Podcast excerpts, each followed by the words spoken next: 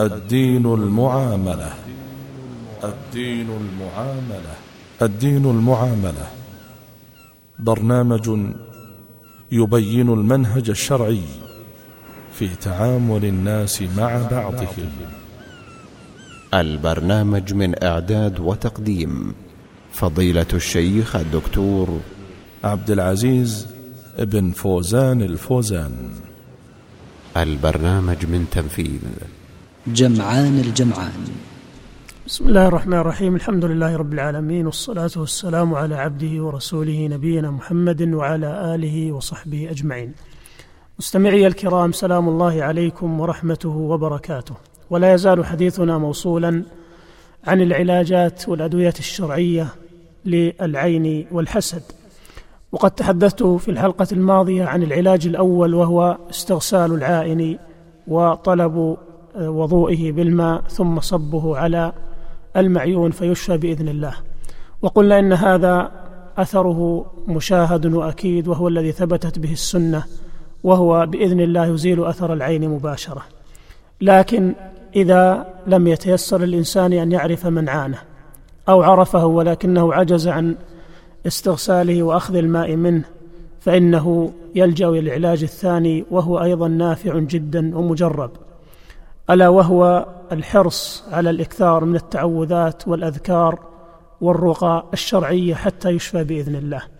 فإن الرقية الشرعية بالكتاب وبالسنة النبوية علاج لجميع الأمراض الحسية والنفسية والبدنية والروحية كما قال ربنا عز وجل وننزل من القرآن ما هو شفاء ورحمة للمؤمنين ولا يزيد الظالمين إلا خسارا وقال عز وجل قل هو للذين آمنوا هدى وشفاء وقال سبحانه يا أيها الناس قد جاءتكم موعظة من ربكم وشفاء لما في الصدور وهدى ورحمة للمؤمنين قل بفضل الله وبرحمته فبذلك فليفرحوا هو خير مما يجمعون وقد جاء في السنة النبوية أحاديث كثيرة تأمر بالرقية من العين ففي الحديث عن عائشة رضي الله عنها قالت أمرني النبي صلى الله عليه وسلم أو أمر أن نسترقي من العين والحديث في الصحيحين. وعن أنس رضي الله عنه أن النبي صلى الله عليه وسلم رخص في الرقية من الحمى والعين والنملة. والحديث رواه الإمام مسلم والحمى بالتخفيف معناها السم وهو يطلق على إبرة العقرب للمجاورة لأن السم يخرج منها. وأما النملة فهي قروح تخرج في الجنب أو في غيره وتشفى بالرقية بإذن الله. وفي حديث سلمة بن عبد الرحمن عن عائشة زوج النبي صلى الله عليه وسلم أنها قالت كان إذا اشتكى رسول الله صلى الله عليه وسلم رقاه جبريل فقال بسم الله يبريك ومن كل داء يشفيك ومن شر حاسد إذا حسد وشر كل ذي عين والحديث رواه مسلم. وفي رواية بسم الله أرقيك من كل شيء يؤذيك ومن شر كل نفس أو عين حاسد الله يشفيك. بسم الله أرقيك. وعن جابر بن عبد الله رضي الله عنهما أن النبي صلى الله عليه وسلم قال لأسماء بنت عميس ما لي أرى أجسام بني أخي ضارعة يعني نحيفة تصيبهم الحاجة يعني هل هذا بسبب الجوع؟ قالت لا ولكن العين تسرع إليهم قال أرقيهم. قالت فعرضت عليه فقال أرقيهم. رواه الإمام مسلم. وفي رواية لأحمد والترمذي وابن ماجه أن أسماء بنت عميس قالت يا رسول الله إن بني جعفر تصيبهم العين أفأسترقي لهم؟ قال نعم. وهذا الحديث كما أنه يدل على مشروعية الرقية من العين فهو يدل على أن أولى الناس برقية المعيون وأنصحهم له هو والده أو قريبه أو صديقه الخاص لأنه لن يكون أحد من الناس أنصح له منه ولا أكثر حدبا عليه ورحمة به. ولا شك أن الراقي كلما كان أكثر صلاحا واخلاصا وايمانا بالقرآن وتأثيره كان أكثر نفعا وتاثيرا. وقد قال الله تعالى إنما يتقبل الله من المتقين. وفي حديث أم سلمة رضي الله عنها أن النبي صلى الله عليه وسلم رأى في بيتها جارية في وجهها سفعة فقال استرقوا لها فإن بها النظرة متفق عليه. وعن عائشة رضي الله عنها أن رسول الله صلى الله عليه وسلم كان يأمرها أن تسترقي من العين متفق عليه. وعنها أيضا رضي الله عنها قالت دخل النبي صلى الله عليه وسلم فسمع صوت صبي يبكي فقال ما لصبيكم هذا يبكي؟ فهل استرقيتم له من العين؟ والحديث حسن كما في السلسلة الصحيحة. وعن عمران بن حسين أن رسول الله صلى الله عليه وسلم قال لا رقية إلا من عين أو حمى. والمعنى لا رقية أولى وأنفع من رقية العين والسم. كما يقال في المثل لا فتى إلا علي ولا سيف إلا ذو الفقار.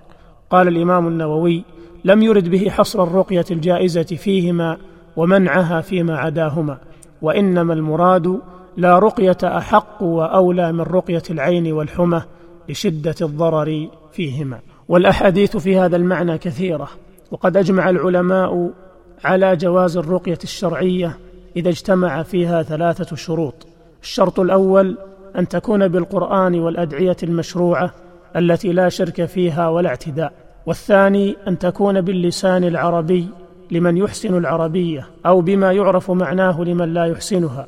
وبه نعلم أن طلاسم الدجالين والمشعوذين وألفاظهم الغريبة التي لا يفهم معناها لا تصح الرقية بها بل غالبها شرك بالله تعالى واستعانة بالشياطين. والثالث أن يعتقد الراقي والمرقي أن الرقية لا تؤثر بذاتها بل بتقدير الله تعالى. وأما صفة الرقية الشرعية للعين فإنه ليست هناك صفة محددة لرقية العين يجب الالتزام بها فكل الآيات والتحصينات والأدعية النبوية التي تتضمن حفظ الله تعالى لعبده وكفايته له ودفاعه عنه وكشف ضره وشفاء مرضه وتفريج كربته أو فيها ذكر للحسد أو العين وذمهما والاستعاذة منهما تصلح أن تكون رقية للعين.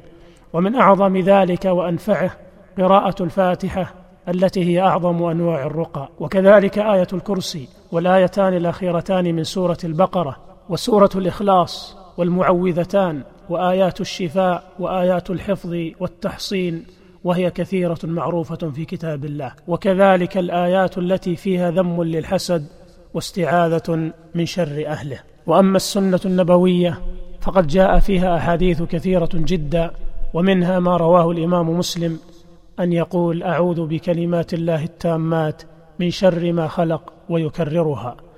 وكذلك ما رواه البخاري في صحيحه من حديث ابن عباس رضي الله عنهما أن النبي صلى الله عليه وسلم كان يعوذ الحسن والحسين أعيذكما بكلمات الله التامة من كل شيطان وهامة ومن كل عين لامة. ويقول إن أباكما كان يعوذ بهما إسماعيل وإسحاق.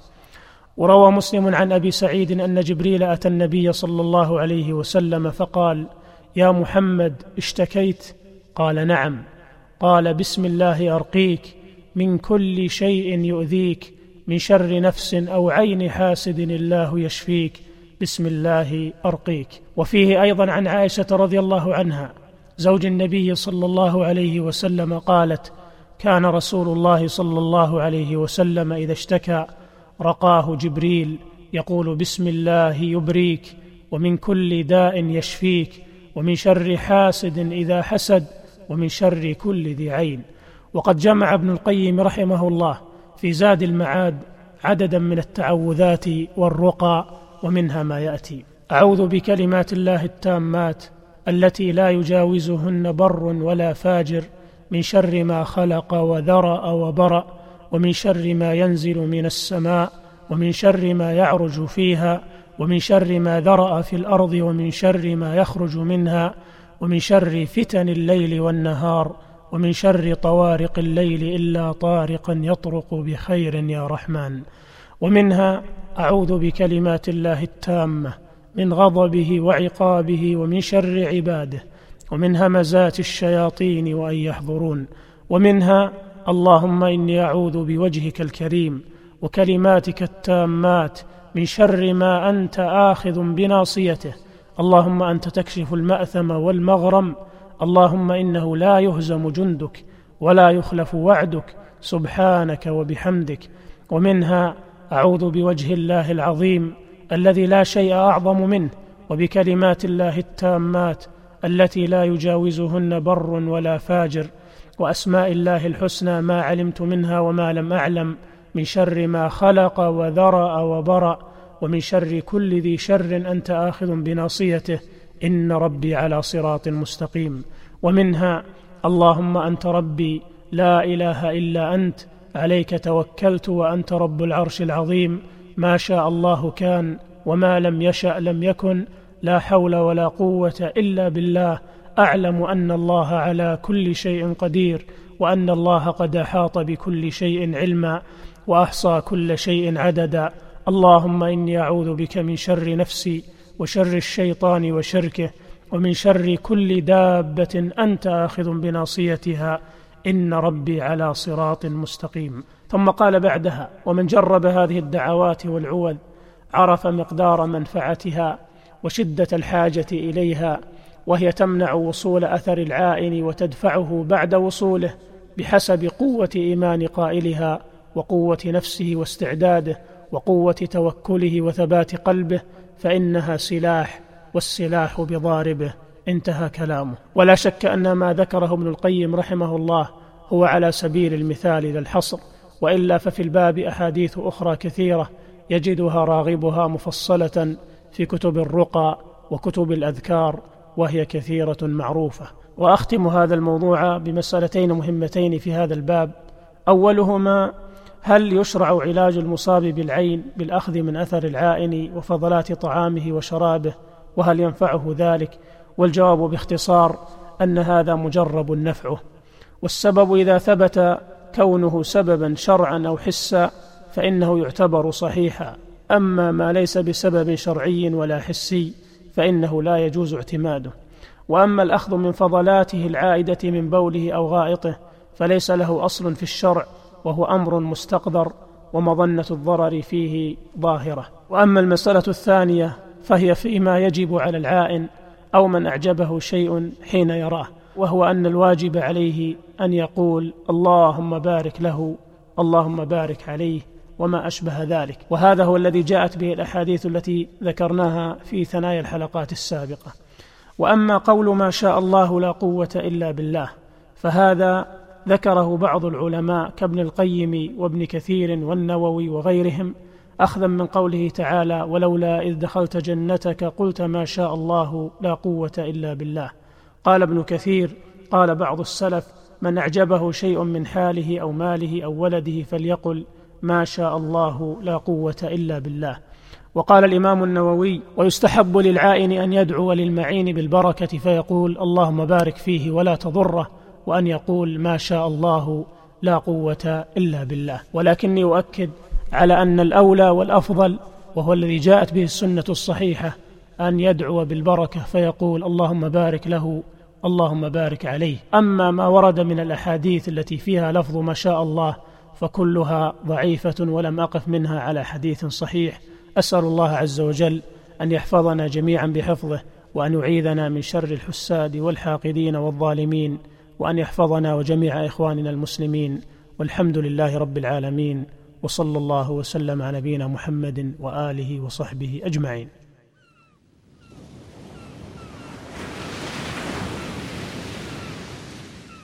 الدين المعاملة. الدين المعاملة. الدين المعاملة. برنامج يبين المنهج الشرعي في تعامل الناس مع بعضهم. البرنامج من إعداد وتقديم فضيلة الشيخ الدكتور عبد العزيز ابن فوزان الفوزان.